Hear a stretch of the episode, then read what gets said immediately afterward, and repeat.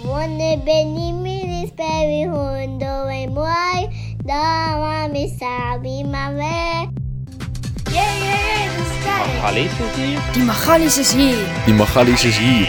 Kom sit, kom luister. Dit het begin. Maak jou ore oop. Magai is hier, kom luister, kom luister. Hey Magalies, ons doen weer 'n kompetisie, maar dit vandag se gaan bietjie anders te wees. Speel saam, probeer die vraag antwoord en kyk bietjie of jy iets leer daaruit. Ons het weer vir Toby terug wat uh, op die laaste Magalies versus was en ons het ook vandag weer vir Fransja wat laas saam met ons bier gemaak het.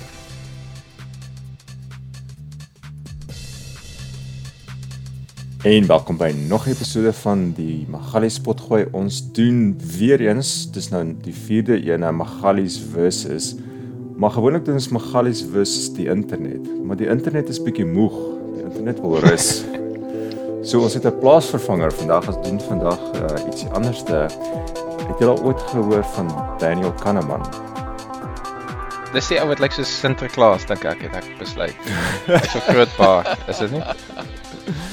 Nee, nee, dis Daniel Genet. Ah. Okay. Ehm Okay, vertel ons. um, hy was 'n uh, hy is 'n 'n sielkundige en uh, my die No- Nobelprys gewen vir uh, ekonomie. Hy hy hy het baie gekyk na mense se gedrag, so dit is die invloed op die ekonomie wat hy gehad het en klomp eksperimente gedoen en soos byvoorbeeld ehm um, ag man dis silly goeters wat hulle in die ou dae gedoen het, soos as jy 'n uh, boks het wat jy 'n geldjie moet ingooi as jy 'n sweetie vat, dan uh, doen hulle toets Het Hulle jy 'n is- honesty box? 'n honesty box, ja, Honesty, het- box, ja. dan doen hulle toets dan plak hulle net kartoon oë bo kan die boks en dan kom hulle agter mense is meer oulik. Ander dan is sulke silly goeters wat hulle in die begin gedoen, maar dit was half groundbreaking geweest en vir daai tyd en so. Ek het altyd op universiteit gesê mense wat hulle hoofvak op universiteit in statistiek of ekonomie, daai mense lag vir ander tipe jokes. Maar as jy as jy kyk, wiskunde kom ek vre met vreemde logika goed, wat jy dink, "Ag, ah, dis cool." Nou nou nie, jy weet nie massive formules en stuff nie, maar Mm. ekonomie ook. Kom met goed Ja. wat jy dink, "Ah, ah, dit is of soos die scientist wat een of ander ehm um, ja, soos, soos jy nou verduidelik het, wat een of ander toets doen, dan dink jy, hoe het jy uitgevind die seker droom in die aande? Dan ja, nee, ons het dit gedoen, dit is my bliksem, dis 'n clever idee om my te vind. So ja. Ja, okay, maar ek sal vir julle gou 'n voorbeeld gooi. Ehm um, so so julle gaan nou vandag vir Daniel Kahneman aanvat. Hy ehm um, hy het 'n klomp hy het 'n klomp vragies vir julle en ehm um, ja, die een met die hoogste skore wen einde van die dag aan 3 punte in elke ronde. Ek het net 10 vrae. Ehm um, ek sal sommer met een vraagie begin dat uh, die luisteraars 'n idee kry van wat aangaan. En uh, hierdie is 'n vinnige vinnig vinnige vinnige vingers ene. Ehm um, die een wat Moet ons eerste ons is raise hand klik of moet ons net sê sk- skree hom uit, skree hom uit. Ehm um, so as jy reg is, die wat eerste die antwoord uitskree, kry jy 3 punte. Ehm um, maar as jy albei hom opdonder kry ek die 3 punte. Wow, wat is jy ook in die reis is. Okay. Ek gaan probeer om in die reis te bly. En hierdie is 'n baie baie maklike ehm um, Ja, ja, ons ken daai. Dit's 'n baie maklike wiskunde. Sushi in Japan as ek reg onthou. Ja, dankie. Makliker. Ja. Vertel my dit. Dit was uh fortune cookie. Yes, ons ons is nog nie een vraag in nie en ons almal praat. Okay, ek gaan hierdie hele deel uitsny. Alraai, so het baie bakke baie maklike wiskunde vraagie, okay? So vinnige vinnig, so kyk hoe vinnig kan jy dit doen. Okay. 'n Cricket cricket bat en 'n cricket bal kos saam $1.10. Die bat kos $1 meer as die bal. Hoeveel kos die bal? 10 sent. 10. Nee nee nee, hy kos 1 dollar meer as die bal. 5 sent. Ek was ek het verkeerd gedink. Jou eerste antwoord was 10 sent gewees en 10 verkeerd. sent is wat meeste mense sê. Soos me, die antwoord is 5 sent soos wat Evert gesê het. Want as dit die bal 5 sent kos en die en die bat kos 1 dollar meer as die bal kos die bal die bat 1 dollar 5 sent 1 dollar 5 sent plus plus nog 5 sent is 1 dollar 10 saam. Meeste mense soos vir jou eerste reaksie, se reaksie is 10 sent. Want uh 10 sent uh, wat want 1 dollar 10 maklik split tussen 1 dollar Ja. en 10 Ja. En Split dan is dit soos soos o, 10%, ah 10, dit klink reg, dit klink reg. Ja. En dit is dit is nou waar Daniel Kahneman se idee van think fast, think slow inkom. Ehm um, jy is dis soos as- ek jou 1 punt vra wat is 1 plus 1, Ja. dan sê jy 1 plus 1 is 2. Jy hoef nie eens daaroor te dink nie. Ah. So dis 'n heuristic. Ehm um, dit jy onmiddellik is daar 'n antwoord vir wat vir jou reg voel. Jy hoef nie daaroor te dink nie en jy gooi die antwoord en dit wat meeste mense met hierdie vraag sê 10 sent. Ek het dit met 'n paar mense al getoets en ja, almal sê 10 sent en dis wat die Kahneman se research ook doen. Ehm um, ja, en dit is 'n tipe heuris- heuristic shortcut wat jy vat, maar in hierdie geval is dit die verkeerde een. In elk geval, hallo, hoe gaan dit daarso? Net net daarvoor moet ek jou eers uithaal. Wat dra jy? Wat het jy op jou hoed? Wat het jy op jou kop? Hasie, waar's jou hoed? Dit is nog lekker koud hier so ek dra my. Dis wat hy vir jou ou vertel. Dis missie. heel moontlik 30 grade in Australië want dit raak nooit koud nie. En hy's besig om 'n bank te beroof vinnig na die na die na die gooi. Hy moet vroeg begin. Dis hoekom ons ons dit 4 uur oggend in Australië het, want vroeg moet nog 'n bank gaan beroof want hy het niks geld oor nie. niks geld oor nie. Ja, ja, okay. Ek was by 'n uh, 'n veiling gewees. Het, het was julle enige van julle al by 'n veiling gewees? Ek dink toe ek 'n kind was op die plaas. Okay, maar in Australië is huisveilings nogal enorm. Ek weet in Suid-Afrika meestal as jy 'n huis koop, koop jy dit nie op 'n veiling as dit 'n veiling is, is dit gewoonlik as die bank die huis weggevat het omdat ja, uh, ja pappa te veel in die casino was. Maar in Australië is dit is dit baie meer die norm. Ehm um, so ons het na 'n veiling toe gegaan en gaan na die veiling toe en ehm um, ek nou jy, jy kry so so paddle wat lyk soos 'n Wag wag wag wag wag. Het jy die huis gesien? Is daar soos 'n bloedvlek op die mat wat uitgewas is? Ja, so jy kry nou 'n goeie tyd om die huis nou mooi te bekyk. Dit's 'n maand se promotion wat aangaan wat jy O, so paar nie keer na die huis Dis nie kyk. rush en panic waar Nee, almal nee, nou hoor hy het miskien twee kamers of wat en nou moet jy be op iets wat jy nie gesien het. Nee, jy kry 'n building report en alles en jy jy kan uh, jy 'n uh, uh, huislening gaan so lank organise en so aan en so die dag by die die die, die veiling dan kan jy dan is alles nou reg en dan Jessie. die een met die die man met die grootste beursie of die vrou met die grootste beursie kan dan probeer om die huis te koop. En ons gaan na so 'n veiling toe en um, en ons het Hoeveel mense is daar? man dis gewoonlik 'n dis gewoonlik 'n nogal 'n redelike crowd. ja, so dis die bure wat kom kyk en ek het al gesien dat ander So dit agente kom gebeur by kyk. die huis Dit self. gebeur by Dis die huis self. Waar die moord ge- geplaas gevind het. 'n Paar meter van die Ja, hoekom hulle die plek opveil ek het al gevalle gesien wat hulle dit nie by die huis doen nie, maar meeste van dit dit is dit on-site. in die huis.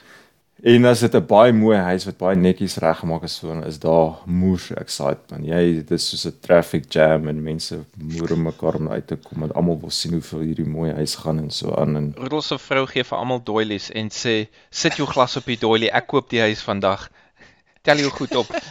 Tel daai chips op wat jy op die, jy op die mat gemors het. Of is, staan jy buite terwyl die ou waar ook plek is, waar ook plek is. Jy's as jy het 'n snaakse v- jy het 'n snaakse angle om hierdie Ons weet niks van veiling. hierdie storie uit my uit te kry. Okay, So ja, gaan na een van hierdie veilings toe. Dit is af- absoluut 'n fantastiese mooi huis wat deur 'n argitek argitek het daar gebly en so aan en so ja, groot crowd mense en ek ek ewe sê okay, kom ons gaan nou maar deur die oefening. Ek registreer registreer om te kan be en dan kry jy so 'n paddle, lyk like soos 'n tafeltennis rak pingpong, 'n ja. pingpong raket met 'n nommer op. Ehm um, sodat hulle nou jou bid kan registreer en en uh ag dit is dit nou dis 'n groot groot storie man die uh die, die ou wat die veiling doen wat noem jy hom Die afslaer. die afslaer het Die Yes, veile nee, uil. dis 'n groot man jong. Hy mooi das en mooi baadjie aan en ba- ja, dis dis 'n groot storie. Almal maak plek vir hom. Jy's in Almal plakkies daar. buig vir hom dat hy kan deurkom en soos en dit is 'n vreeslike storie en dan vertel hy vir jou hoe fantasties sy huis jy vandag gaan koop en dan en dan vra hy vir die eerste offer en ehm um, en dan staan by die plek en daar's 'n ou met so, so cool as 'n cucumber met sulke donker brille en hy sê 1 miljoen en uh, en Begin dan, hoog. dan begin die ouens te respond dan sal iemand nou dan vra dan moet iemand nou 'n counter offer doen dan sê die ander ou Okay, 1 miljoen en 20000 dollar. En dan respond almal respond iemand dan gooi 50000 op en maar hierdie ou wat die eerste bid gedoen het na die tweede bid, die tweede bid kom sê was 1 miljoen en 20000. Toe sê hy 1 miljoen en 21000. Dis dit net 1000 ja. en dit is tussen kom on dude. Ons het nou net begin. Wat wat hoe, hoe kan jy nou met 1000s opgaan? Ons los dit vir die einde. En uh en en die ander ou almal is half confused en die ander ou respond met nog nog 20000 by en uh die ou gooi nog 1000 op en ons is in kom aan yes hierdie storie en op die einde toe begin daar klomp ouens bid en uh en hierdie ou wat die bid begin het, hy raak half stil. En toe begin dit nou serieus raak, begin dit nou hier raak hier by die einde van die uh wat wat ons hier kan sien daar gekom nou by die limiet van die huis. Dit is nou hier by 1.5 miljoen wat hierdie huis voor gegaan het. Ehm um, en ehm um, toe raak hom hierdie ou nou weer terug in die game en hy elke keer sit net 1000 by 1000 by. Dan, dan kom hierdie een hy, hy, hy sit 50000 by en dan kom hierdie ou sit net 1000 bo op sy 50000 en ek kan sien ek kan sien dit rattle die ander ouens hoor en Jessie en die ou het net aangehou en aangehou om 1000 by te sit tot hy sy winning bid gekry het. Um ongelooflike maar ek kan sien wat sy effek het op ander mense gehad het. Dit is soos 'n hierdie ou kom hier in met sy 20000 soos en ek gaan nou Jessie, ek gaan nou commit ouens. Ek gaan nou ek gaan nie uitmoei met 'n moerse 20000 dollar. Dan kom hierdie ou met soos 'n 1000 papercut. Het hy 1000 blaaie en gee papercut. Dit is winning by papercuts. Ja, en op die einde van die dag het hy die ys gewen. En maar ja, toe vind ek uit hy is actually 'n uh, eiendomsagent wat Maar wag wag wag. Wat Jy vertel vir ons hoe lank sou ek tog jy het 'n huis gekoop. Okay, dit was die ja. eerste auction. Toe ek wag so 'n bietjie. Ek oh, okay. ah, ek wil net sê hoorie so jy was die ou wat die 1000 opgegaan nee, het die hele tyd jou vetter. Ek was nie jy sien dis daarom baie gemeen, maar in elk geval toe gaan ons ook na 'n auction toe gewees en en dan weer weer baie nederig kry ek my nommertjie en dink ag wat is nou die kans dat ek hierdie mooi huis kan koop en die ouens begin te bid en ek staan skaam daar agter met my. Ek moenie vir my lag nie asseblief mense en staan daar agter. Maar het jy het jy 'n tas vol geld? Is jy is het jy 'n horse in die reis of is jy nou maar net daar met ek het al my uh, my banksaake agter mekaar en ek het my wiskunde gedoen okay. voor ek dink jy huis werd dis belangrik. is, ek het uit ek het 'n min of meer idee gekry van hoe hoeveel die huis werd is. Ehm um, En uh, ja, ek sê my en op staan begin die ouens te bid en daar's twee ouens wat bid en hulle begin so 'n bietjie stil te raak en op die einde raak dit baie stil en tog Jesus, man, dis 'n bietjie 'n lae nommer daai en steek ek tog ek nee, okay, ek sal ek sal in die reis en klim hierso. En ek steek my nommertjie op en ek tog en ek en ek sit net 5000 en daai daai sou mis die die bidding nou redelik stabiel wat dit net so hier in 5 en 10 op gaan ek tog nie ek sit 5 op. En ehm um, en na in die en die ander twee oorspronklik aan hulle het heeltemal die reis het geval en 'n ander ou hy of sy, sy vrou actually hulle spring in die reis in en ons begin te mekaar te bid. En ek sit 5000 by hy sit sy sit 10000 by ek sit 5000 by. Ja dit gaan lekker hier so almal is excited en almal dis is 'n boksgeveg mense kyk en en ooh wow. En hierdie en toe bestaan kom ek agter okay ek moet nou begin Dit lyk my ek het vandag 'n kans om met 'n huissleutels weg te loop en ek gaan nou bietjie begin aggressief raak en assertive, skuis tog. En ehm um, en dan dan vat hierdie ander koppel of vat hulle so partykeer tot 5 minute, letterlik 5 minute staan. Maar wag, moet jy ou nie tel 1 2 3 nie? Hy gee hulle kans. Man, dit is nie soos op die TV nie. Dis in Amerika nie. Okay. Dit is dit is okay, ons gee hulle tyd. Hierdie is belangrike ding. Ons verstaan, ons verstaan en en partykeer sal hy so mocktail doen 1 2 en dan skielik hy optel. Dit dit is dit is amper soos dit is amper soos, soos met kinders. Soos met kinders. Okay, dis nou 2 en 'n half, né? Dis amper daai tipe. maar party dan staan dan hierdie ouens, hulle staan lank en dink en en dan kom hulle men sit er nog 10000 by en dan soos 'n sekonde later dan sit ek nog 5000 by. Vir jou strategie is jy gaan nie blink nie. My strategie is ek blink nie. Hulle moet weet ek elke elke bid wat hulle maak, ek gaan net 5000 by sit. En op 'n stadium kom ek agter hier is hier kom nou by die limiet van wat ek dink ek behoort vir die huis te betaal en ek en Marlies het ook een ooreengekom ons gaan daar's 'n aparte fonds geld wat ons het ehm um, wat sep, separate van die banklening is. Ons ons gaan nie meer as 10000 in hierdie ingaan nie. En hierdie offer wat ek nou insit is 5000 in dit in. Toe dog ek, okay, as ek nou as hulle nou 5000 Dis respond, nou lekker braaf. dan Ja. is dan is ek nou oor my limiet. So hierdie is nou my laaste laaste bid wat ek insit en ek en ek dink nou wat se strategie as as ek ek maak soos en okay, hierdie is my laaste bid. Ek dink nou okay, ek gaan wat gaan ek nou doen? Oorloop in 'n handskud en sê okay, sorry, ek gee op of, of gaan ek dramaties wees en my nommer in die lug gooi of iets en wat wat gaan ek doen? En Wel, ek jy gaan per ongeluk trip en jou glas rooiwyn op 'n nuwe mat uit. en ek maak reg vir hulle om oor die 5 te gaan wat ek neergesit het in silence. Dit ons die huis gekry. Hoe lank moes jy wag toe jy jou bid insit of het hulle dadelik gesê hulle is uit? Hulle het dadelik gesê hulle is uit. Ja. ja. Weet jy, dit is nie eintlik soos 'n boksgeveg nie.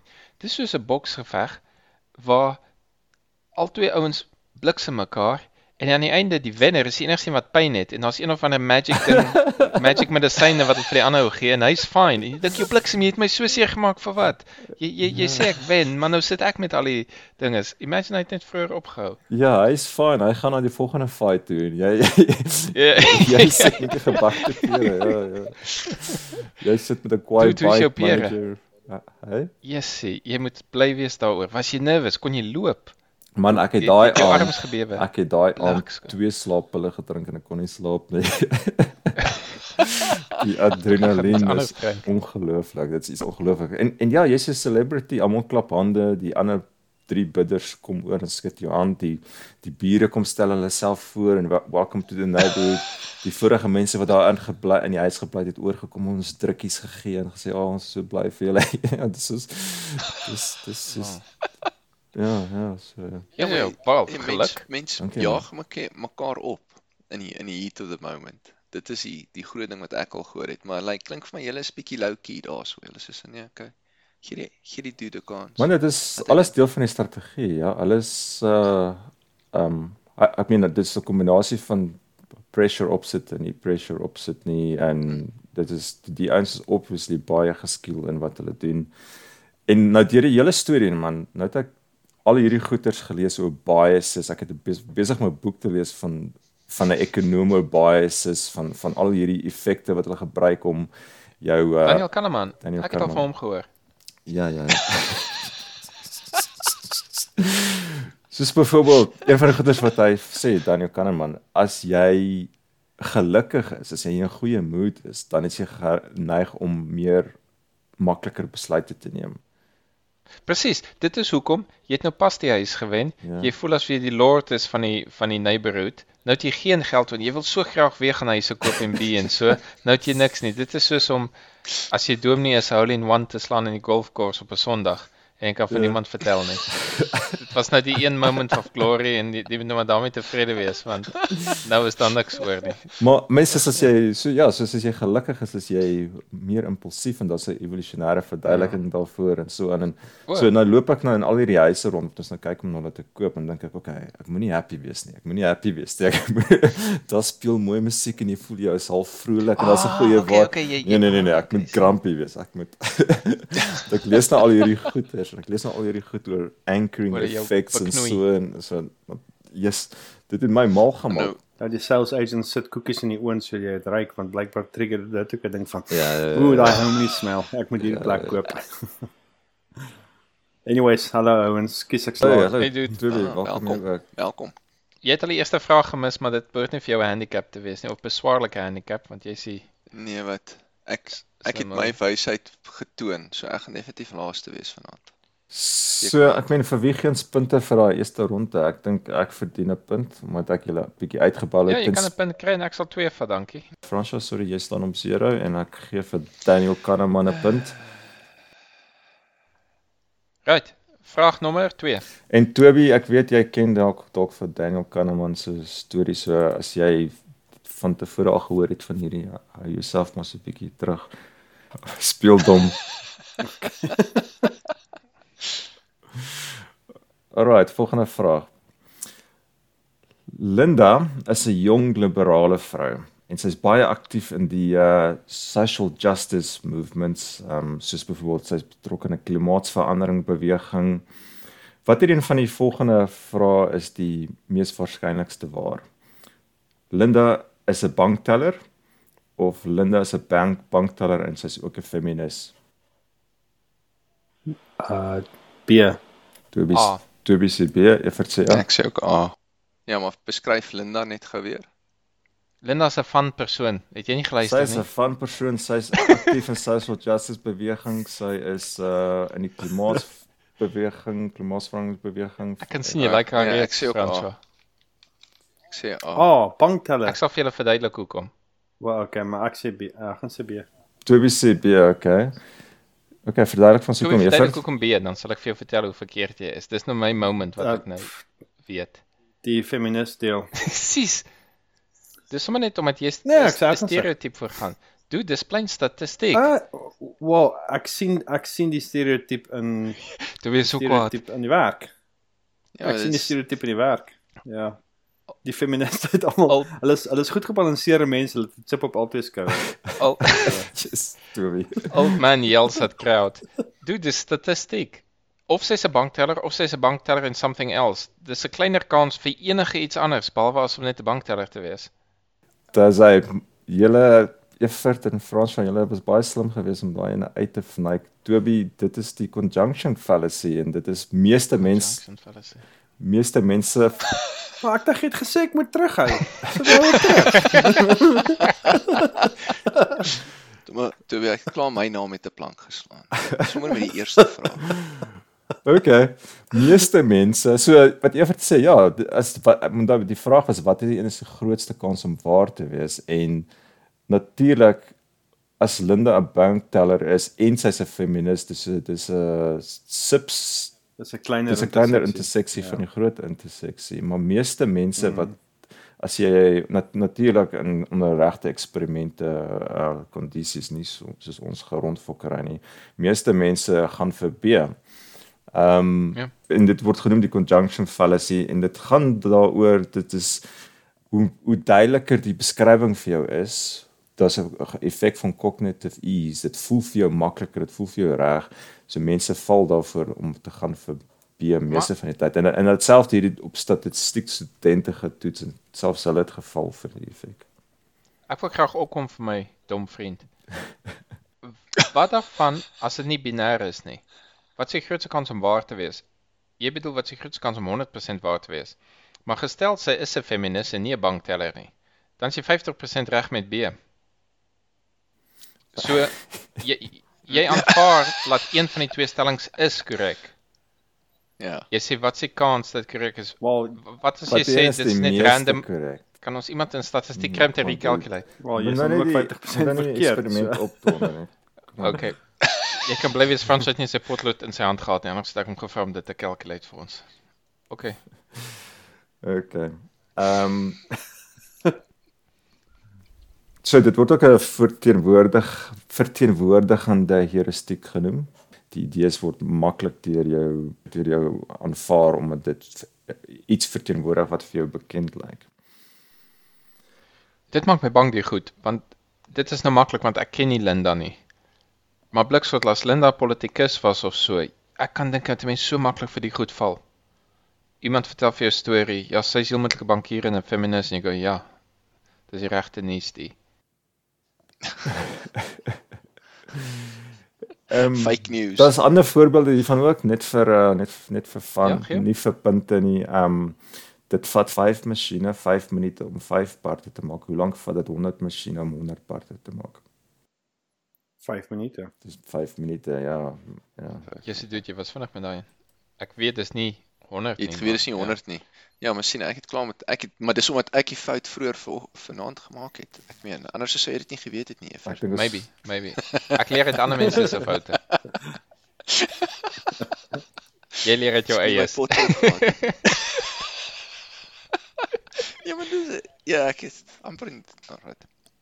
Kom Rudolf volgende ene. Ja, Dis laat nou Frans opgewarm. Frans homself redeem hierso.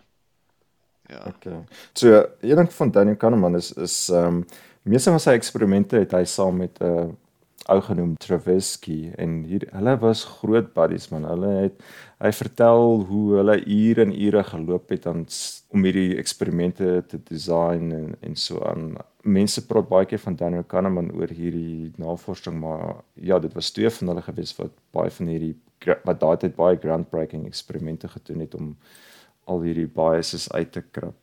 Uh, maar ja, hierdie Is dit 'n moderne era? Is hulle nog lewendig? Dit was onlangs gedoen. Daniel Kahneman is nog lewendig. Hy's in sy 80's, maar Amos Tversky is oorlede en Daniel Kahneman, hy gee altyd vir Amos Tversky baie krediet vir sy deelname in hierdie eksperimente en bevindinge en hy's teen teen sy Amos saam met hom die Nobelprys gekry het as hy nog lewendig was.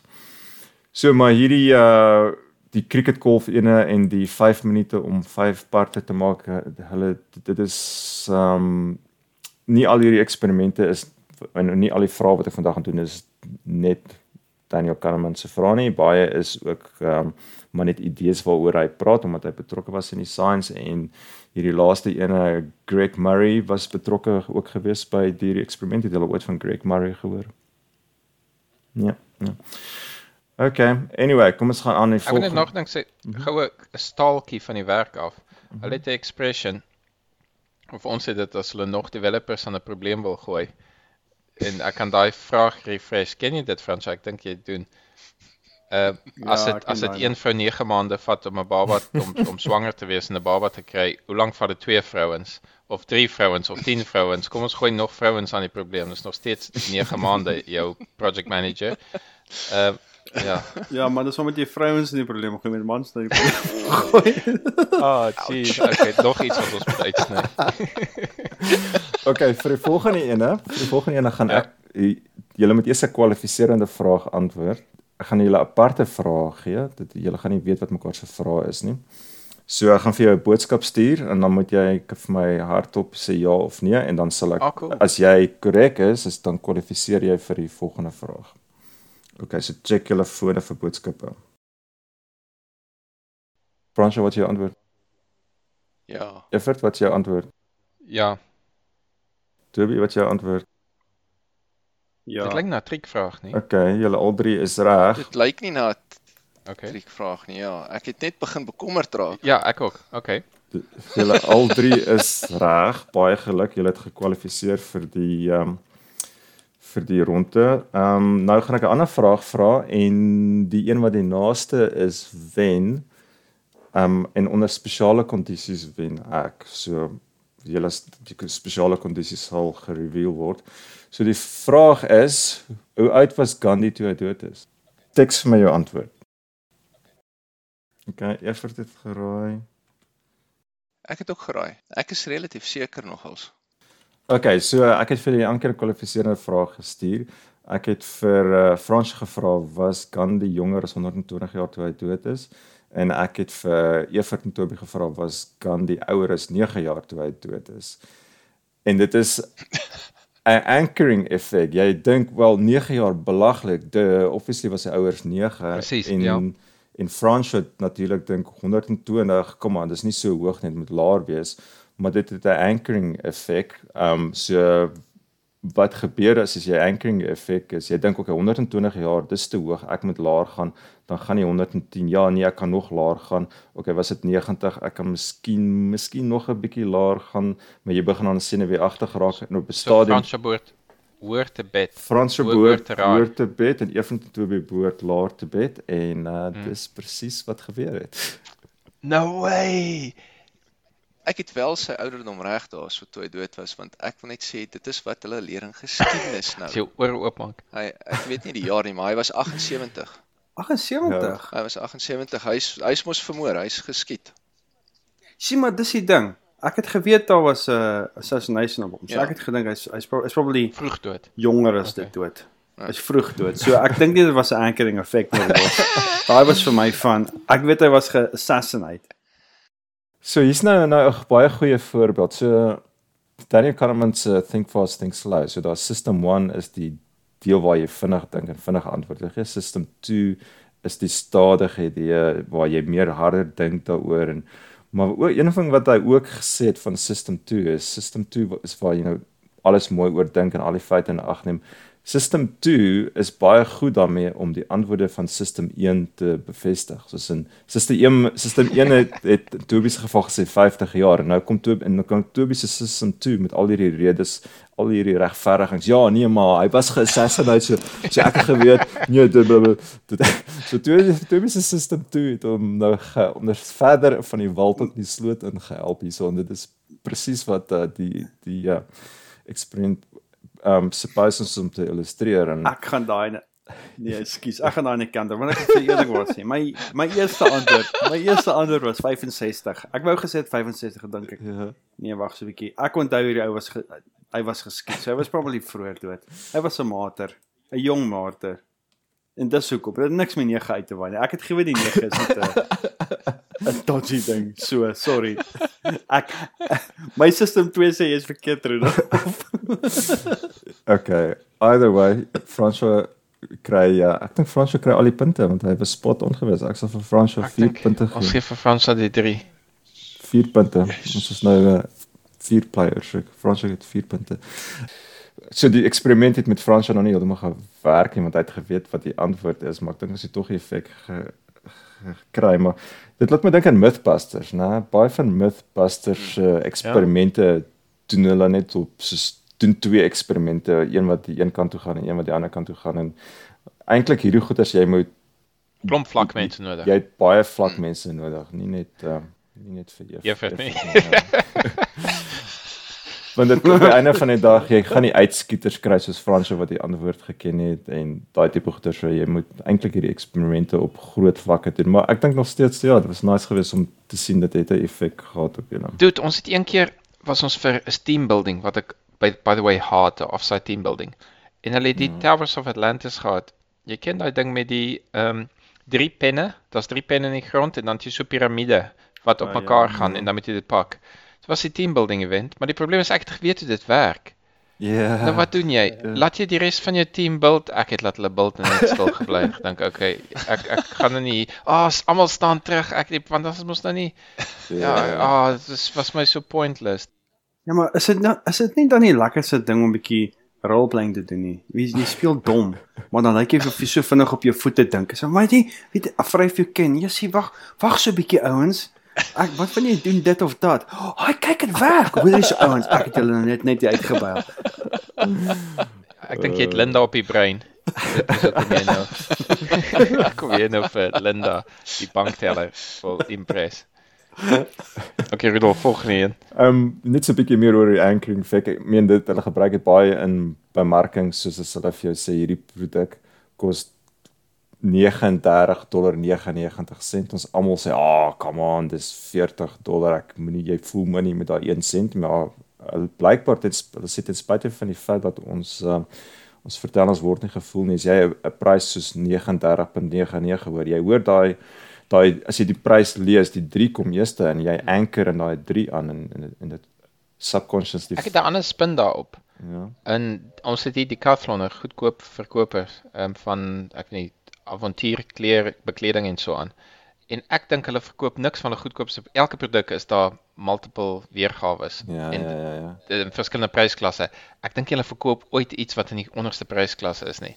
Almal sê, "Oké, okay, nou weet ek hoeveel iets cheap kos wat niks gaan hou nie." Ja, Almal ja. koop daai tweede vlak. Ja, En um, ek dink hulle kan hy eerste vlak op enige prys sit. Uh behalwe vir vir mense wat obviously brandarm is of so wat dit gaan koop. Ek dink almal koop at least een vlak hoor en sê nee nee nee, ek's nie een van daai nie. Ek ek kan dit bekostig om ja, om vir die tweede vlak. Maak nie saak wat die tweede vlak is, soos in daai eerste vlak sê nee nee, okay, dit is die cheapest. Miskien 'n tipe van anchoring, ek weet nie. Want dit, ek dink dit gaan soveel oor die nommer as oor die feit dat jy sien daar's 5 goed en ek het die tweede een van onder af Ja. gekies. Maar dit is ook 'n Ja, ander anchoring effek. Partykeer het hulle in in werklikheid net 3 produkte, goedkoop ene, gemiddelde ene, duur ene, maar dan sit hulle 'n ekstra duur ene bo-op dit. En dit, dit is gewoonlik 'n belaglike ding soos ah een ekstra jaar se waarborg of wat ook al. En dan vat jy die tweede goedkoopste een en dink jy, "Ag, oh, jy het hulle gefluis, jy het nie daai duurste stupid ene gevat nie."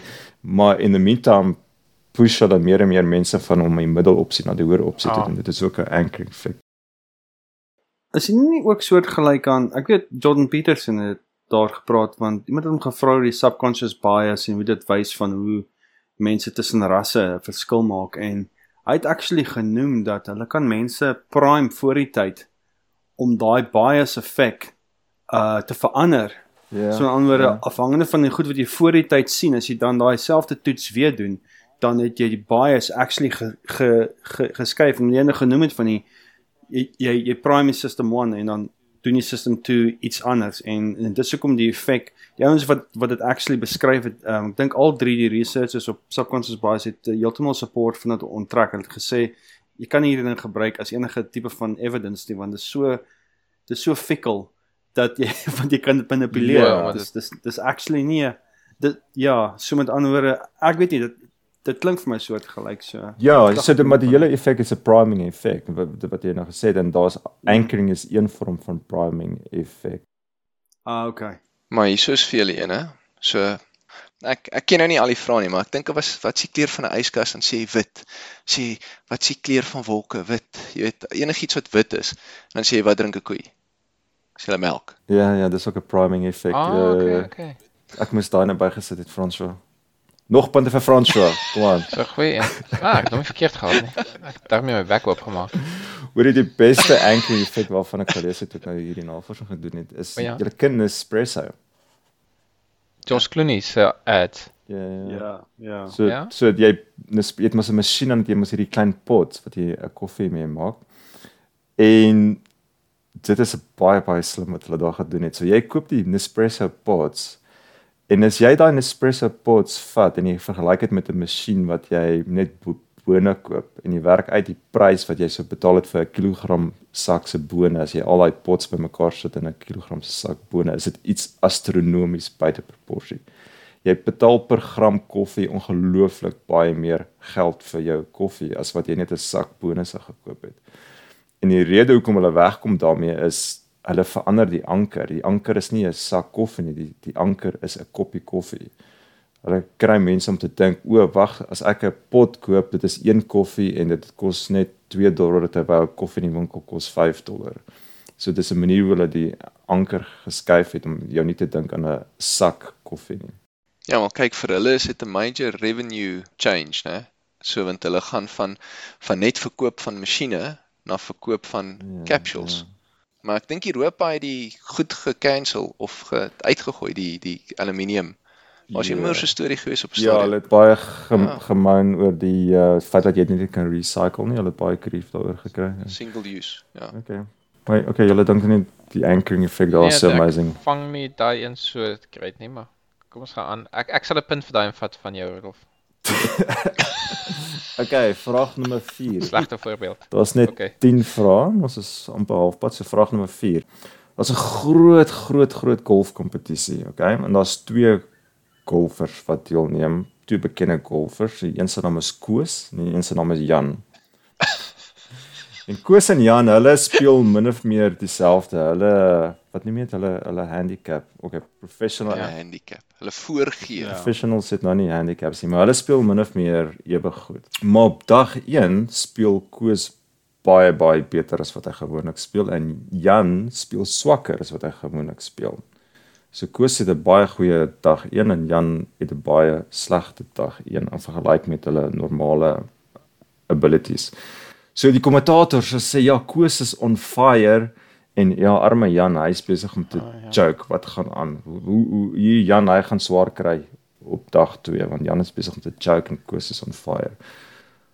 Wat gaan gebeur op dag 2 in terme van hulle performance? Ek het twee antwoorde.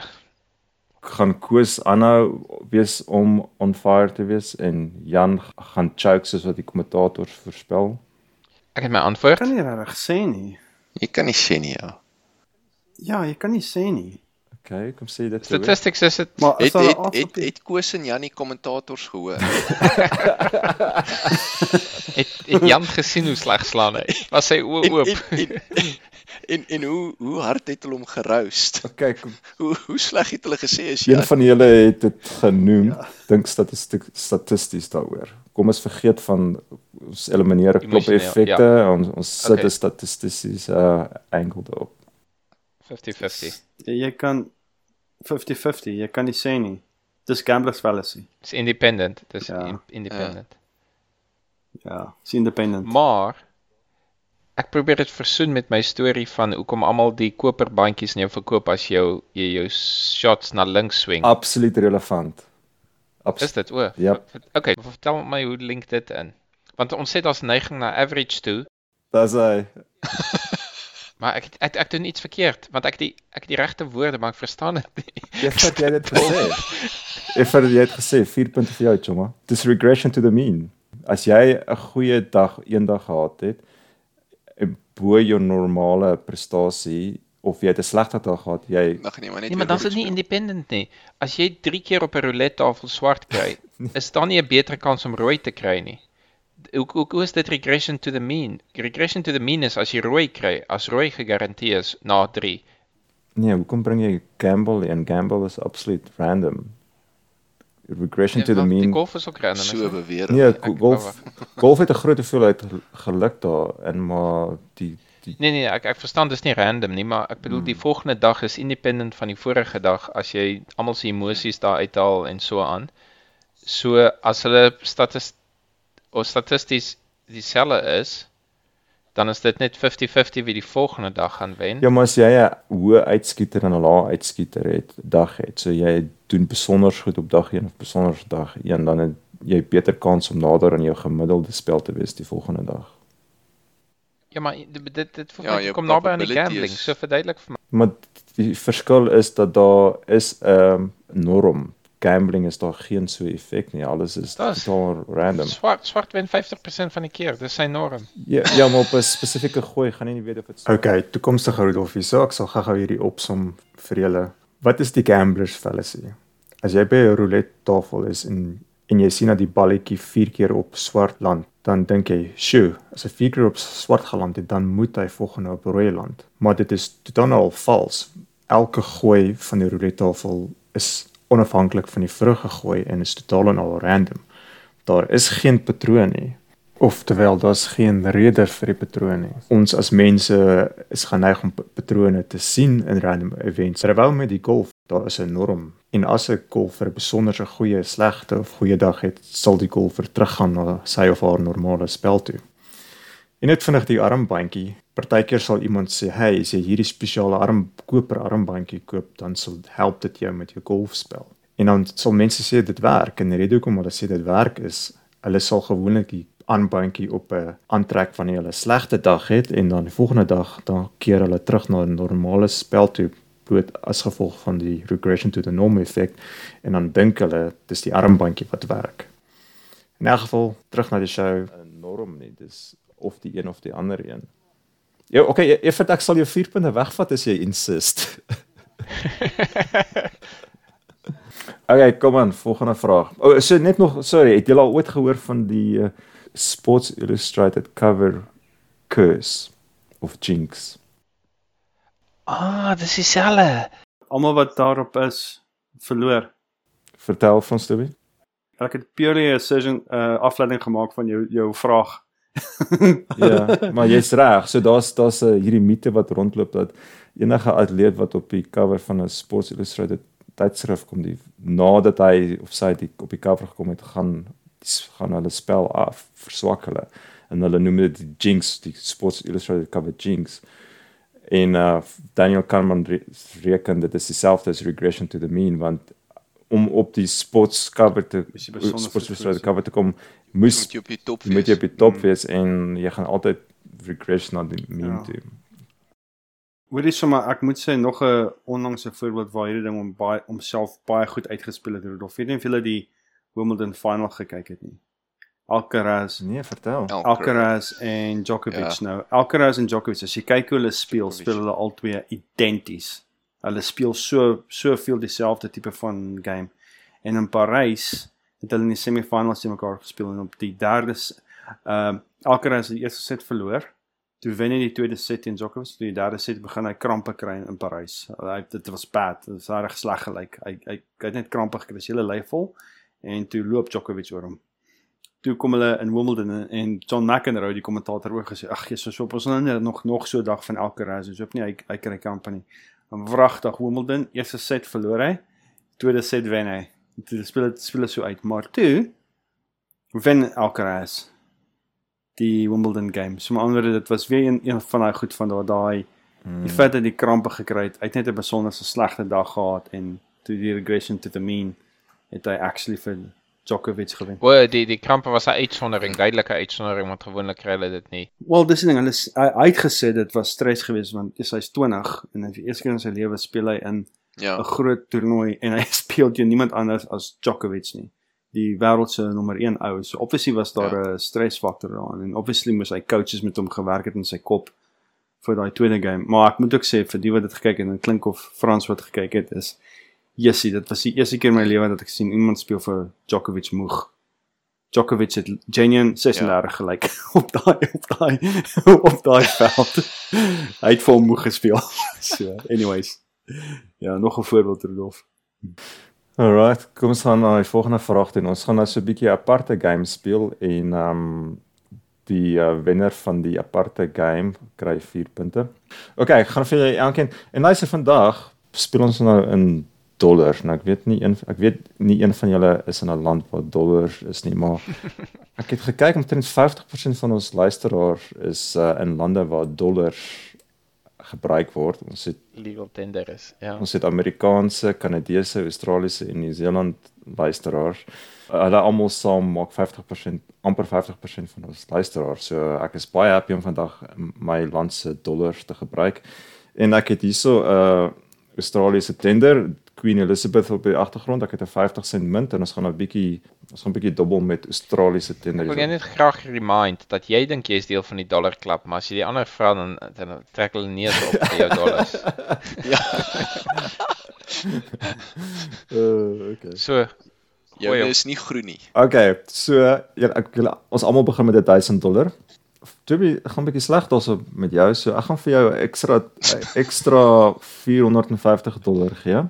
Wat? Ja, maar jy kan kies in plaas van my 450 dollar te vat, kan jy 'n uh, gamble vat met 'n munt, heads or tails.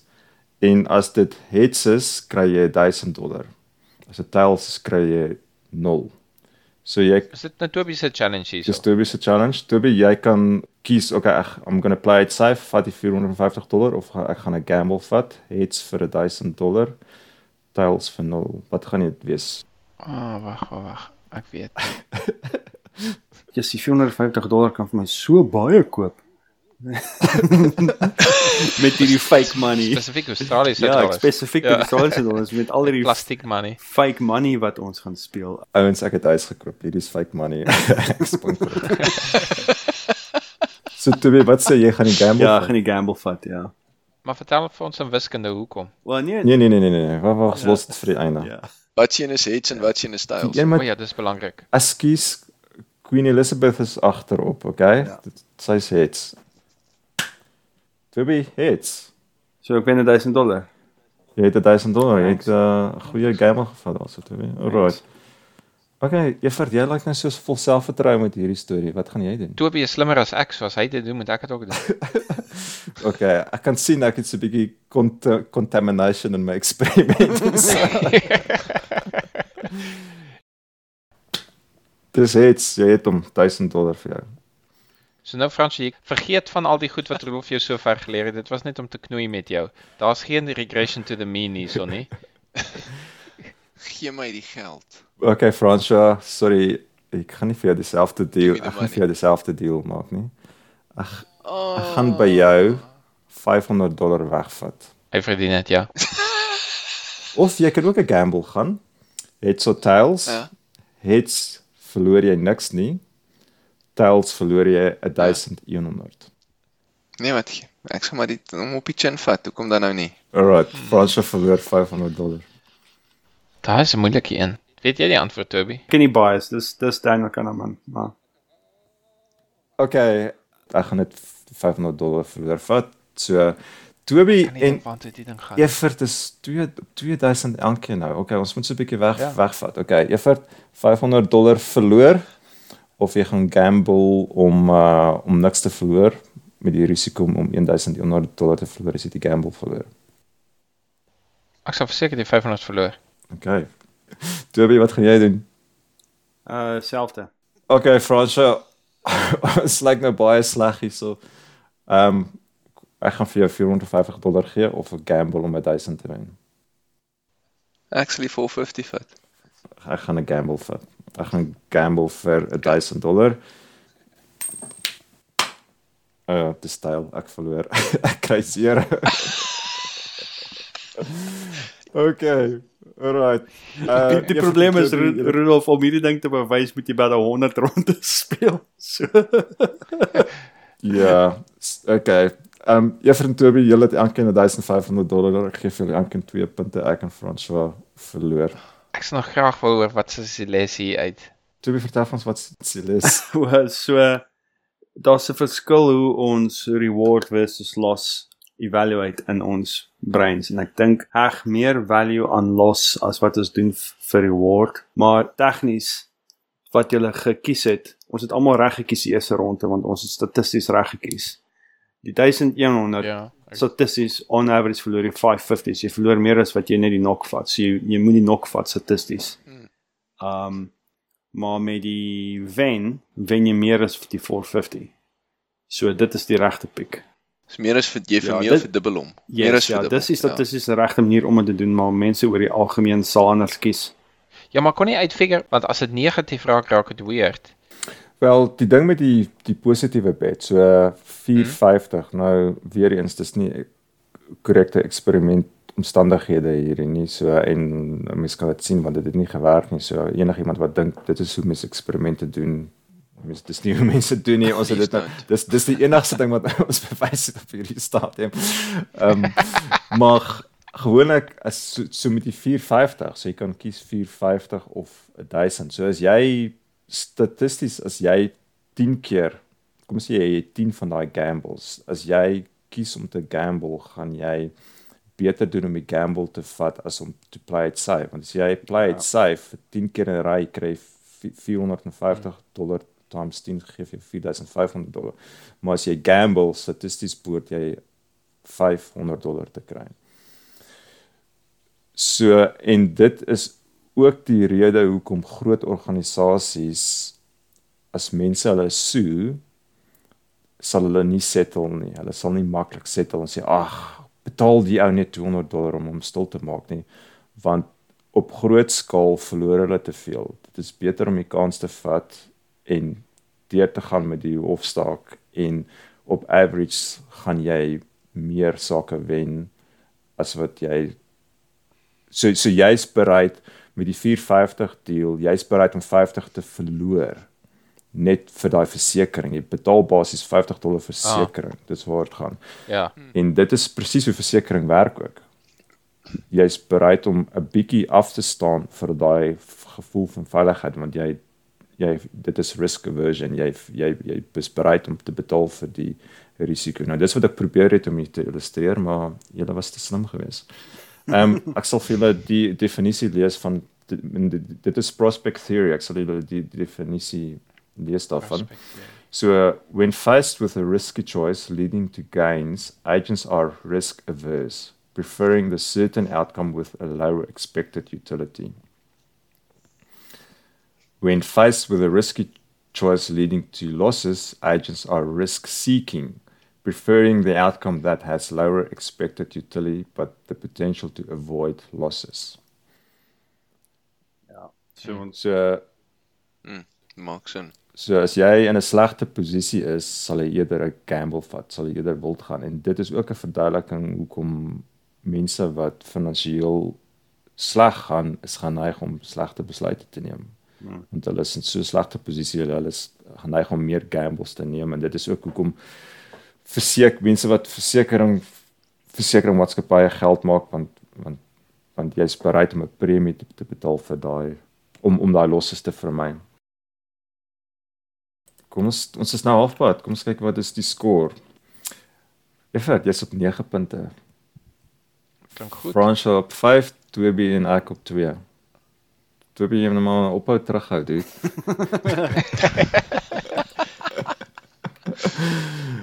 Alright, volgende ene die Monty Hall probleem. So, jy is by 'n game show en uh, daar's 3 deure. Jy moes al van hierdie gehoor het. Ah, Agter een van die deure is 'n kar, agter twee van die ander deure is agter die ander twee deure is daar bokke. So jy moet 'n deur kies deur A, B of C en as jy die regte deur kies kry jy 'n 'n kar as jy verkeerde deur kies kry jy 'n bok. So net een deur het 'n kar uh en twee deure het 'n bok. So die game show host Wag, Vra vir jou, jy wil 'n kar wen, nee. Jy wil nie bok wen nie. jy wil net net Dis ons goal om te oorleef. dankie toe, dankie dat daai Ja, ja. was belangrik. Details, details. Tel ja. as die laaste bokke is die laaste okay. Okay, die game show is vra jy jy kies jy kies deur A. Jy dink jy dink agter deur A, jy vat 'n raai agter deur deur A is daar 'n kar. En uh die game show host hy sê, "Mmm, interessant." Okay, en dan die game show host loop na deur C toe en maak die deur oop en agter deur C is daar 'n bok. So nou is net deur A of B oor. Die vraag is moet jy stiek by deur A of moet jy swap na deur B toe? Wat moet jy doen? Jy moet swap. Ek, ek wil 'n truth table gaan teken hier voor en kyk. Kom Maar dit is 'n Wil jy begin met 30% Kom, kans system en dan one het jy thinking, 50% juffrou. kans tussen die twee. Wel, system one thinking. Wel, my eerste instink is swap, want jy kyk net na die ratio statisties, maar dit voel vir my ek moet 'n table insit van o nee, want jy kan nie verkeerd kies op ronde 1 as daar twee rondes is nie. Jy kan nooit verkeerd kies nie. Mm. Dis die probleem. So daar is net daar is nie 'n path wat jy gevolg nie, want dit niks is geëlimineer nie. Wel ek dink as hulle hierdie is gebaseer op 'n actual game wat hulle gedoen het en die ehm um, aanbieder van die game se naam was Montreal geweest en dit is waar die naam vandaan kom. Ehm um, ek dink ek dink dit is die trick. Jou partykeer sal hy nie vir jou die die deur oopmaak nie, die die deur see oopmaak nie. Ander kere sal hy so jy weet nou nie regtig wat sy intensies is nie. Ehm um, Ja. Miskien het hy deur see oopgemaak want hy weet jy hy weet jy's op die regte een. Ehm um, dis dalk Wat is dit jy sê ooppak, dis die kat. Okay, okay, okay. Wat sê wiskunde dan? Regress, regression to the mean. Nie nie to to the mean. Eers wat se antwoord, kommandeur? Ah nee, nee ek, ek kan nie ek kan nie om enige van 'n ander rede dink nie en dit voel vir my dan is 50-50 net sowel 'n goeie kans. So vir my kan ek nie sien hoekom Toby se plan nie at least equal plan is indien nie beter nie. Maar ek kan nie eintlik vir jou sê dat dit verseker beter is nie. So net omdat ek nie kan verstaan hoekom dit beter is, en sal ek nog steeds sê ja, vat Toby se plan is either dieselfde as wat jy in die begin gehad het of beter. So jy sê verander. Ek kopie my vriend.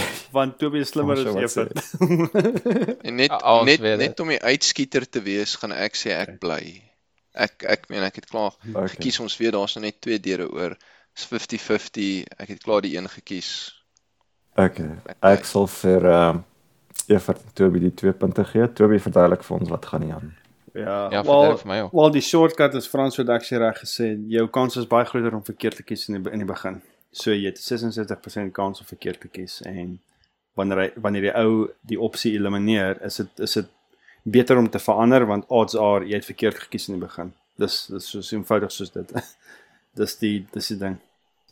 Ja, so jy het 'n 1/3 kans om reg te wees. So deur A het 'n 1/3 kans om reg te wees. Deur deur 'n B en C saam het 2/3 kans om reg te wees. Ja. En jy weet dis nie C nie, so dan deur A, A het jy 2/3 kans om reg te wees. So so wat is jou wat is jou kans om die regte ding te kies na twee twee keuses? 66%. Ek ek dink so ja, as jy die as jy die die paths uit ja, as jy die paths uitmap, dink is dit is dit dis presies wat Rudolf nou gesê het. 66% kans dat jy sal reg kies as jy swap. Dis nie 50-50 nie. Maar dit syfer net omdat jy in die begin 33% 33% kans gehad het om reg te kies. So. Die Wikipedia artikel oor hierdie ding is bladsye en bladsye lank. En die sources wat die source die die references na die artikel toe is blad. Dit's mense het hulle koppe al woes gekrap op hierdie ding. En toe hierdie ding uitgekom het, die ou wat die um, dit was ook Greg Murray geweest. Toe Greg Murray met hierdie uitgekom het, het um mense het mal gegaan. Hulle het ingeskryf sê jy's mal, dit dit gaan nooit werk nie en daar statisties statisticians wat vir hom vertel het hoe verkeerd hy is en um, ja, ek sal vir julle die verduideliking lees en kyk julle of julle kan Ja. sin maak daaruit, maar dit is dit is so unintuitive. Ek moet sê ek battle Mm. daarmee en ek a key insight is that under these under these standard conditions there is more information about doors B and C than was available at the beginning of the game when door A was chosen by the player. So that's addisionele inligting. Dit is die key insights. The host the host action adds value to the door not eliminated but not to the one that chosen by the contestant originally. So jy het meer inligting oor deur B as wat jy gehad is wat jy het oor deur deur, A. Dit is een van die key insights, maar ja, hier is regtig 'n brain tweezer. Ru- Rudolf het dit perfek verduidelik actually. Toe hy gesê deur die ander twee deure saam is 2/3. Jy gooi een deur uit, daai daai ander deur het nog steeds die, die 2/3 kans. Die die ah, so deur B het 2/3 kans en dit is 66 blikskottel. Dit is dan 'n derde kans teen 2/3 kans omdat daai een deur wat Hmm. oor is eintlik nou beide deure gesamentlik is. Represent ja, So die regte antwoord vir beide. So dis nie meer 'n 50-50. Dit is daar's 'n derde by elke deur. Een deur word oopgemaak. So deur B en deur C C is nou uitgeskakel. So deur B het 'n 66% kans Hmm. omdat deur C se waarde is nie meer onbekend nie. Hy word bygetel by B Mm, dis reg. en dit is hoekom hy A is nog steeds ja. op 1/3. In A is nog steeds op Ja. 'n derde want Ja. En dit voel so verkeerd, maar dis wat Ja. klink reg. Ja. jy begin nie van voor af nie. Jy gooi nie nou jy sê nie o, okay, maar nou is daar net twee Ja, deure nie. Jy hou die eerste deur deel van jou van jou Yes. calculation wat oopgemaak is. Okay, kom ons gaan aan. So net net vinnig 'n kom kommentaar maak. Daar's nog een effek wat ons nou geobserveer het hier in ons speletjie. Het julle al ooit gehoor van die um wisdom of the crowds effek? Ja, dis dit nie net Twitter nie. Ja, ek het So omdat ons 'n spel Magalies is, het ons nie die wisdom of the crowds effek nie. Ons het die teenoorgestelde effek. So ek gaan gaan gou vir julle verduidelik. so wisdom of the crowd sê as jy kom sê jy het 'n jy, jy het mos al gesien by 'n kermis dan het iemand so groot deurskannende houer met 'n klomp jelly beans en dan moet jy nou raai hoeveel jelly beans daarin is. o ja. En wisdom with a volgens wisdom with a crowd sal die die die gemiddelde raai van al die mense sal baie baie naby wees aan die hoeveelheid Wow. jelly beans wat daar actually in is. Jy sal iemand kry wat te laag raai of te hoog raai raai en dit maar op gemiddeld is dit actually verbasend baie naby aan wat uh, dit is en dit is die Is dit wisdom waar? of die ja ja dis die wisdom of the crowd. Maar wat ons nou hier gesien het is die teenoorgestelde van die wisdom of the crowd. Die een van die geheime van die wisdom of the crowd is die die individue wat deelneem daaraan moet mekaar nie beïnvloed nie. So as as twee mense gelyk te doen en een ou sê "Ag, ek dink dit is net 100 jelly beans en die ander ou hoor dit dan sal daai persoon geaffekteer word deur 'n anchoring effek of wat ook al soos wat ons nou al hier gesien het wat wat Evert sê "O, ek dink Toby is slim so ek gaan dieselfde gaan as hy en dit is nog 'n rede hoe- hoekom hierdie eksperiment nie akkuraat is nie is is ons het daar ons het die die unwisdom of van die donderse domme gallies hierso in, in plaas van the wisdom of the crowds maar met the wisdom of crowds sê dat die gemiddeld sal vir ons 'n goeie antwoord gee. Anyway, dis net 'n side note. Kom ons gaan terug na golf toe. Wanneer speel golfers die beste as as hulle pad? Is hulle pad vir 'n birdie of vir 'n bogey? Wanneer is perform hulle die beste? 'n Birdie is een onder paar en 'n bogey is een oor paar. Wanneer pat hulle die beste? Ek het my antwoord. So uh, kom ons sê 'n speler het 'n slegte ronde, wat die een was dit nou Koos of Jana kan nie onthou nie.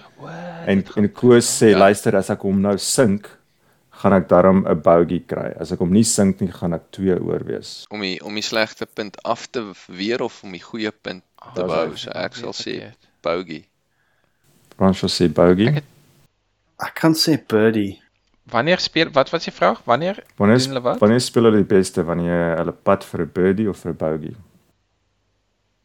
Ah, natuurlik is dit bogey. Jy sê bogey. Is dit jou antwoord? Ja. 100%. wat sê jy? Nou bogey. Ja, is dis om die, die slegter te stop, om Ja. dit nie nog slegter te laat gaan nie. Toby, wat sê Dis jy? weer regression of the mean. Uh ek sê birdie. Sorry Toby. Ek gaan jou punt vat. Dit is risk aversion. So No way. Ja, dis die effek van van risk aversion. Ehm um, so dit is vir jou baie slegter om te verloor as om 'n goeie gain te maak. So, so jy gaan meer as- effort insit en daar Jy- o- oor beter pad. jy gaan beter pad jy om wil- om bogey te kry as om minus 2 te kry want jy jy jy jy het daai Ja. loss aversion. Jy's so ons is reg. Jy is reg. Jy is jy wil nie dat om Ja, om te ja. verloor is baie emosioneel baie swaarder op ons. So jy probeer baie harder om 'n los te vermy en jy sit minder effort in om tussen plus 1 en plus Ja, want as 2. ek 'n 'n birdie mispad, het ek nog steeds 'n paar wat ek kan kry en dan kom Ja. die bogey eers. So ek het nog twee Okay, maar- rondes of maar twee shots. is bietjie contradictory teen die ding wat ons gesê het as mense onder onder druk of wanneer hulle los het neem slegte besluite. Maar ek dink wat dit wat dit eintlik is, nê, nee, is wat die pro golf golfers doen is omdat hulle bogey wil avoid, nê. Nee. So as hy daar staan, gaan ek vir 'n bird 'n birdie gaan of gaan, gaan ek net net vir net vir paar gaan. So wat hy heel waarskynlik sal doen is hy sal hom tap it in, weet soos Happy Gilmore. En net sodat hy op paar kom, in plaas van om ja. 'n moeilike shot te vat vir die birdie, want dis die risk aversions. Dis hoekom hulle dis hoekom hulle beter pad. Ah, okay. Van hy sal veel eerder net die bal bietjie nader kry en dan vir paar gaan. Wat oor by die Ah, okay, okay, okay. Ja, want as dit hy ja, want as hy gaan ja, as hy gaan vir die birdie, ehm um, vat hy 'n moeilike groot risk, ja. So so skies vir of ek ek ek, ek wil nog Ja, interrupt maar ek wil net bet, ja, dit het my sin gemaak, nie, maar jy is reg. Ek verloor my punt. I I admit Ek het defeat. gesê dit is regression to the mean. Jy het nou al hoeveel houe sleg gespeel, dis hoekom jy 'n risk het om 'n bogey te hê. So natuurlik gaan jy beter speel. Maar as jy op 'n birdie is of op 'n eagle, het jy moer lucky gespeel totdat jy daar is, nou gaan jy weer slegter speel. Ah, Dis hoe ek my antwoord gekry het. uh, okay. Daar's actually navorsing gedoen en hulle het bewys dat hoewel statis stat met statistiek, hulle het bewys dat die top 20 spelers onder 1.2 miljoen dollar per jaar meer sal kry as hulle dieselfde effort insit om te pad wanneer hulle pad vir 'n birdie is wat hulle pad vir 'n bogey. Wow.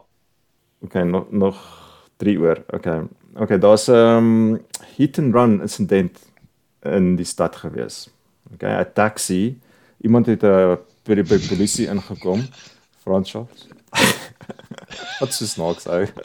Ek het vir julle gewys waarso die taksies ry hierso. Kom maar nou. So die setting is actually in New York City waar die definisie van taxi anders is. So so maar ek, ek Oh. Okay, so uh, hit and run word by die polisie gerapporteer dat daar 'n taxi was. So daar's twee kleure taksies wat in die stad werk, daar's blou en groen. 85% van die taksies is groen en 15% van hulle is blou. 'n Ooggetuie sê dat die taxi blou was. Onthou 85% is groen en net 15% is blou, maar ooggetuie sê dit was een van die blou taksies gewees toe doen hulle toets op die ooggetuie en hulle kom agter dat die ooggetuie 80% van die tyd akkuraat kan onderskei tussen blou en groen. So die vraag was wat is die kans dat die ooggetuie reg is? So hy het gesê dis blou. Hy het so die ooggetuie het gesê dis blou. Eksperimente op die ooggetuie het vir ons gewys dat 80% van die tyd as hy sê hy's 80% van die tyd kan hy korrek onderskei Korrek, kan hy blou en kan hy groen en blou en groen korrek onderskei. 85% van die taksies is groen en 15% is blou. Wat is die kans sit neer jou donder se pot met Frans? wat is wat is die kans dat die taxi blou is soos wat die ooggetuie gesê het? En jy hoef net naby te kom, jy hoef dit nie uit te werk. Dis sê, ag so 'n bietjie shit. Wat is die wat is die kans dat die taxi blou is? Ja. Ja, so so wat hy reg is met ander woorde. Okay. Okay, ek sal in die strik trap 80% doen. Uh, uh Ek het nie 'n klou nie. Ag, ek net 'n bietjie dink hier oor. Wat die kans dat hy reg is? Wat nee nee, wat die kans? Wat is die kans dat die taxi blou is? Wat die kans? sien dis die ding. Wat die kans die taxi blou is? Dis die ding. My sê dis blou. Dis dit gaan nie oor dit of reg of verkeerd is nie. Ek Nee, ek dis- versigtig met my woorde hierso. Dink hy hy jok vir jou? Kom aan dude. Minus 2 punte vir jou. Die kans die taxi blou is is 3%. Wat? Ja. Dis dis wat ek gaan sê. 3%. So wat is wat's 80% van 15? 80% moet hoe 12. is 12 of I'm gonna Ja, push you 12. for an answer. Ja. So ek sal sê 12. Kom hy sê 12%. Ons 80% het sal keer 12%, ons het 3%. Oh, wag so 'n bietjie. 80%. En Ja, ja, 80. ja. Freaking Wag, 80 van my Het ek dit verkeerd om? Wat die kans dat dit uh maar nee, jy, jy moet jy moet al die verkeerdes uitwerk. Ja, dis dis En dis sê Jy moet vermenigvuldigings hom maak. heeltyd Ja, inbus. twee negatief is wat jy met Kom, mekaar Teddy, I'm vermaak. gonna push you for an answer. Kom, ek system ek gaan one ek gaan stik by 3%. Alright, julle is al drie verkeerd. Ek gaan 4 punte kry hierdie ronde. Vertel my hoe, wat is die antwoord? So dit is Bayes' rule wat jy moet moet gebruik hierso. So daar's vier moontlikhede. Hy sê dit is blou en dit is blou. En dit is Hy blou. sê dis blou en dis groen. Hy sê dis groen en dis groen en hy sê dis groen en dis blou. Daai Ja. vier moontlikhede maak saam 100%. Ons weet dis nie groen nie, so jy kan die groen opsie elimineer. Jy kan hy, hy het nie gesê dis groen nie, Ja, so jy kan jy kan daai elimineer. Maar die kans dat hy sê dis blou en dis actually blou is 12%. Want 80% van 15 is 12. Die kans sê dat hy sê dit is Okay. blou en is eintlik groen is 17%.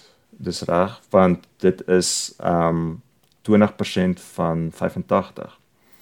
So so so die kans ek gaan weer sê die kans dat hy sê dis blou en is actually blou is 12%, die kans dat hy sê dis blou en is actually groen is 17%. Dit gee vir jou so wat jy dan doen is jy jy werk uit dit is jou base is 12 plus 17 wat 29 is. En ons wil weet wat is die kans dat dit blou is en hy het gesê dis blou, dis 12, so jy sê 12 gedeel deur 29 gee vir jou 41%. Wat? So ek was amper daar. So dis Bayes' rule, maar die Evert se antwoord is wat meeste mense sê. Meeste mense sê 80%. So die base rate is die 85% en 15%. Meeste mense ignoreer net daai base rate. Hulle sê, "Oké, okay, ek ja. vergeet daarvan. Ehm um, die is 80% van die tyd reg, so ek gaan 80% tyd van die tyd reg wees." Dit is wat meeste mense antwoord. Ehm um, en so mense mense noem dit base rate neglect. Dit is die effek wat ons gesien het hierso. Daar's 'n groot probleem met sulke statistiek vir mediese goed ook. As jy sê iets is jy, jy kan sê die ding scan vir ek weet nie, vir kanker of wat ook al en hy's Hmm. soveel persent akkuraat, maar die kanker kom net soveel keer voor in die veld. Dan kom jy agter 'n masjien wat ek weet ek dink dit is as met klein persentasie werk, so as dit net 1% in die veld is, maar die ding is 5% van die keer verkeerd, dan het hy ek weet nie hoeveel misdiagnoses uit 'n groep uit wat ja. Maar die les vir my is meer bly weg van die goed af want dit is te moeilik om uit te figure. As jy dit neerskryf, gaan gaan kyk op Wikipedia Bayes' rule, um Bayes' probability. Dis 'n heel goeie verduideliking Maar daarvan. jy het net gesê ek mag nie neerskryf nie. Ja, moet neersit. ja, Kom Daniel- aan, Rudolf, jy die reëls net neerskryf nodig. Ja, gehad. ek ek ek het ek het maar die effek wat ek probeer illustreer het was wat wat Evert gedoen het is wat hy die base rate geïgnoreer het. Dis wat meeste mense doen. Daar's 'n ander voorbeeld, jy kan dit ook gaan kyk. Ek sal dit aanleg aan die episode. Nou is die Tom W eksperiment waar hulle hulle sê hulle beskryf 'n ou, sy naam is Tom. So Tom gaan universiteit toe en dis al- enigste inligting wat hulle gee oor Tom en dan sê hulle okay, wat is die kans dat hy ekonomie gaan swaat of social science of wetenskap of bla bla bla. Dan na die pot gooi 0. En wat mense doen is hulle dit doen is hulle sê o, wag so 'n bietjie. Ek weet by hierdie universiteit meeste mense wat studeer studeer sosiale wetenskap. Um kom ons sê die grootste hoeveelheid mense studeer social science, so dan is die kans die beste dat Tom social sci- science studeer. En dan vra hulle 'n vraag, so sê okay, Tom is 'n baie intelligente ou, maar hy's so bietjie socially awkward. Hy kyk altyd vir sy skoene. Hy hou meer van wiskunde as om met mense te praat. Wat is die probability nou dat hy wat wat se departement gaan studeer? Social science, wetenskap, rekenaarwetenskap of wat ook al. En mense dan totally ignoreer die base rate wat hulle nou net gebruik het vir hulle e- vir die eerste antwoord en hulle hulle sê hulle sê o wel hy's 'n geek so dis dan either computer science of natural science. So hulle ignoreer die effek van die base rate. Dis nog 'n voorbeeld van base rate Niklet. Okay, terug by die taxis. Tweede laaste vraag. Okay, in New York City op 'n reënerige dag is daar groot demand vir taksies. So taxi-bestuurders kan meer geld maak as op gewone dae. Daar's 'n groter demand vir hulle dienste. Ja. Maak Is dit jou proposal? Moet die vraag is, die vraag is maak hulle meer geld of nie? Taksies kan meer geld maak op 'n reënerige dag wanneer mense wil taksies ry op 'n reënerige dag. Maak hulle actually meer geld? Maar dis Maak te sê hy actually laai meer mense op nie. Ehm um, ek gaan Well, it depends hoe saturated dit is. ek gaan sê nee. Dit hang af van die utility. As jy vir 'n 5 ure shift gaan en jy het vir al 5 ure gewerk en mense in jou kar gehad omdat dit in elk geval besig is, gaan 'n reënerige dag meer die maand gaan nie eintlik verskil maak. Daar's miskien meer taksies. Nee, selfde hoeveelheid So- taksies. Kom ons kom ons hy daai konstant selfde Ah, hoeveelheid ah. taksies. So Wow. meer demand, minder supply. Dit hang af Nee, sorry, hang af wat net die meer bottleneck meer is demand, gewoonlik. selfde supply, meer demand, selfde supply. Dink dink dink in terme van Daniel Kahneman wat jy nou net geleer het. Moenie moenie begin slim raak nie, Ever. Dit gaan jou kos. Ek ek het al dit vroeg geleer vanaand. Ja, ek sal sê nee. Francis sê nee. Okay, Francis lock it in. Ever. Ek sê Ja, natuurlik. Dit reën almal gee meer tips. Ek weet ek sê ook nee. Ever sê ja. Toby sê nee, Ever sê ja. Die antwoord is nee. Wel, ek sal sê nee want daar's net meer aanvraag, maar die mense is dieselfde. So hulle moet nog steeds dieselfde rit vat. Ek weet nie. Nog steeds dieselfde rit. Daar's nie daar's nie addisionele ritte wat hy kan. Hy kan net in so, in 'n soveel periode kan hy net soveel Dis um, ook wat ek gedink mense ry. Volgens Want navorsing dit is Actually, as hulle hulle kwota vir die dag gekry het, dan hou hulle op werk. Hulle sê that's Nou. it, I'm done. Ek het Dis 'n legal vraag die. ek het nee, dit is nie 'n legal kwota nie, dit is hulle self self-imposed kwota wat hulle net sê, okay, ek het genoeg geld gemaak vir die dag. dis my target. dan. So hulle werk actually langer ure op sonnige dae as op reënerige dae alhoewel hulle behoort actually langer ure te werk op reënerige dae want hulle kan meer geld maak. Dis die dit tydkeer is- ding. Ja. dit is dit is uh ook te doen met prospect theory. En dit is ook weer loss aversion as jy so op 'n dag wat daar wat jy minder geld maak, werk jy langer ure want jy voel jy maak 'n los, maar op 'n dag wat dit reënig is, vir ja, wel, ek het nou my geld gemaak. I'm I'm done. So maar ek moet by sê daar is ander nuwe navorsing, dieselfde ou wat die oorspronklike navorsing gedoen het, het um, agter het weer die navorsing gedoen en die effek is actually so bietjie exaggerated. Dit klink soortgelyk in die duiker storie. Ek weet nie of jy die storie ken nie is van die duiker, hulle wou nie gehad het die ouers met die kinders laat haal nie. Toe charge hulle iets soos ek weet nie 5 dollar 'n halfuur wat hulle laat is. Want hulle en toe sien hulle toe kry hulle die teenoorgestelde effek van die penalties van meer en meer ouers laat ehm um, kom tel hulle kinders so laat op. Toe kon hulle agter die prys was nie hoog genoeg vir die penalty nie want ouers het gedink, "Wel, 5 dollar vir 'n uur meer, wel, ek gaan wel gebruik." so hulle moes die prys toe aansienlik Ja. hoër maak voordat die Ja, ouers ja. die effek begin voel het. So ja, hulle het actually uh, dit was die wrong incentivization wat uh issue Oh, hulle al gedoen het. So Okay. Alright, laaste vraag.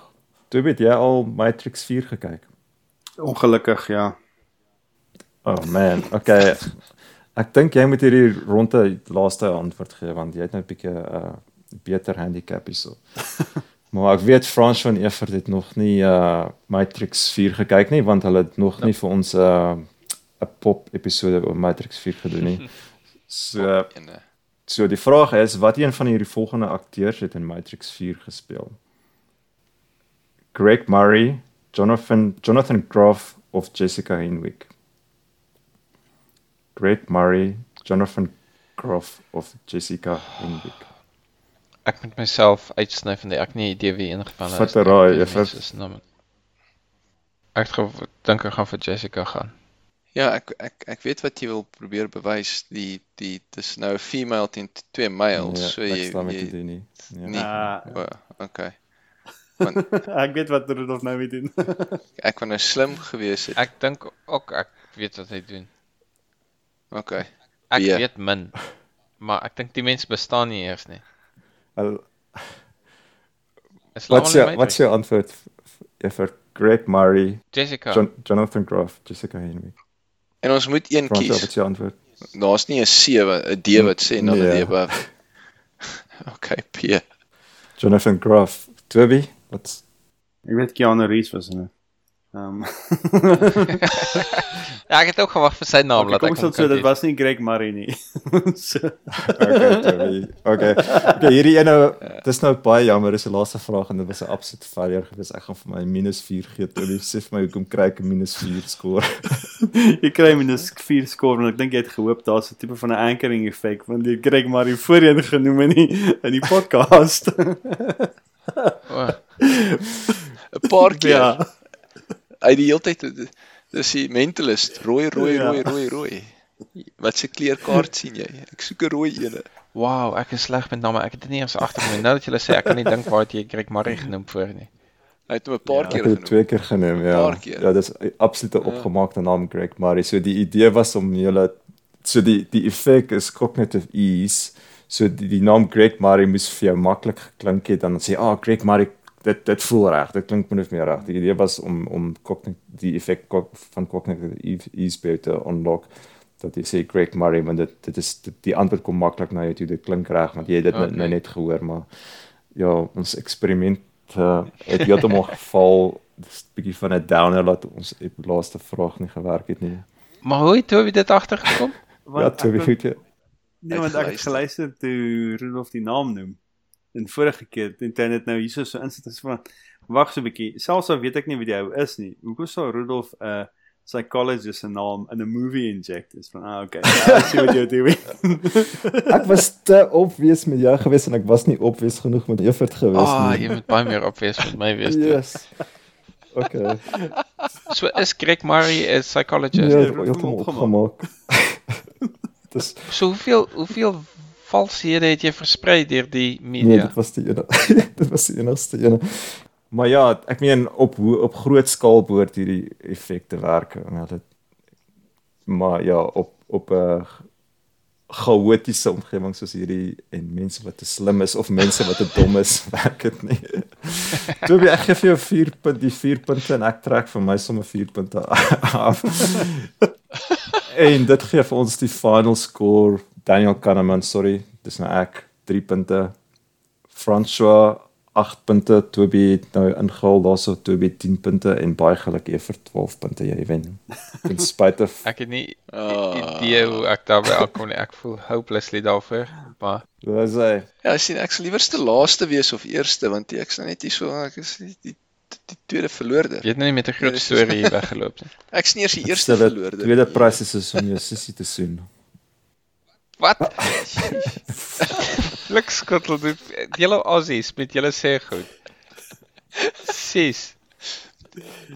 Dis 'n Suid-Afrikaanse sê dit. Suid-Afrikaans. Het, dit kom actually van ek dink Naas Botha het dit gesê actually. Het hy gesê om gelyk op te speel Ja, ja, ja. is soos om jou sussie te soen. ja, Weet jy sommer ja, ja, actually. Ja, ja, maar speel nou nou dat jy sê jy is die eerste verloder en dit loop aan 'n grappie van die van die ou wat vir jou gesê jy is so 'n loser. As daar 'n kompetisie is vir losers, sal jy tweede plek kry. Dis so, hoekom jy is jy 'n plek, jy moet jy 'n fucking loser. Uh, Oh, brilliant. Brilliant. Alright. Okay, wel ek sal in die show notes al hierdie effekte lys en mense kan 'n bietjie meer daaroor lees. Dit het nog nie altyd gewerk nie, maar ek hoop daarom julle die idee gekry. Ehm um, dankie vir die saamspeel. Dude, ek kom agter dat ek is hopelessly ongewapen daar buite. hulle gaan my so kan bedonne. Ek moet nie ek hulle moet my nie toelaat om by my deur uit te stap en besluite te neem want blik skot. Okay, ek moet daarom ek het so gevoel toe ek hierdie boek gelees het. Nou nou nou weet jy ek is besig om 'n huis te koop en nou lees ek van al hierdie biases nou. Ah, vir al Dit het my van my kop af gemaak en nou gemaak. nadat ek dit die huis gekoop het, het ek die conclusion van Think Fast Think Slow gelees en Daniel Kahneman sê al hierdie biases en so aan en met so waar jy think fast kry baie keer in die moeilikheid. Hy moet daarom by sê meeste van die tyd doen ons brein wat hy moet doen. Meeste van die tyd die think fast is 'n baie ekonomiese Ah. manier om om deur die lewe te kom en meeste van die tyd help dit ons om vinnige en tog redelik akkurate besluite te neem. So so ek het ook so 'n gevoel gekry van Jessie, wat doen ons? Ons het ons 'n man op die maan gekry en so, maar hy sê dit is dit is daarom redelik akkuraat andersins sou ons nie gewolf het om so te wees nie. Ja, maar ek, ek sou ook by sê ek bedoel jy deel die planeet met ander mense wat ook pure system 1 is. So dit is nie asof jy in 'n see van intellektuele mense is nie, jy weet. Almal fok fokker en donker saam. Ja. Exactly, ja. Alright, ouens, baie dankie. Baie geluk juffrou. Dan nou. Alright, Alright, julle. Cheers ouens. Maar dit sê gelukkig vir Hard baie dankie. Magalies uit. Gaan jy sê. Mag alles uit.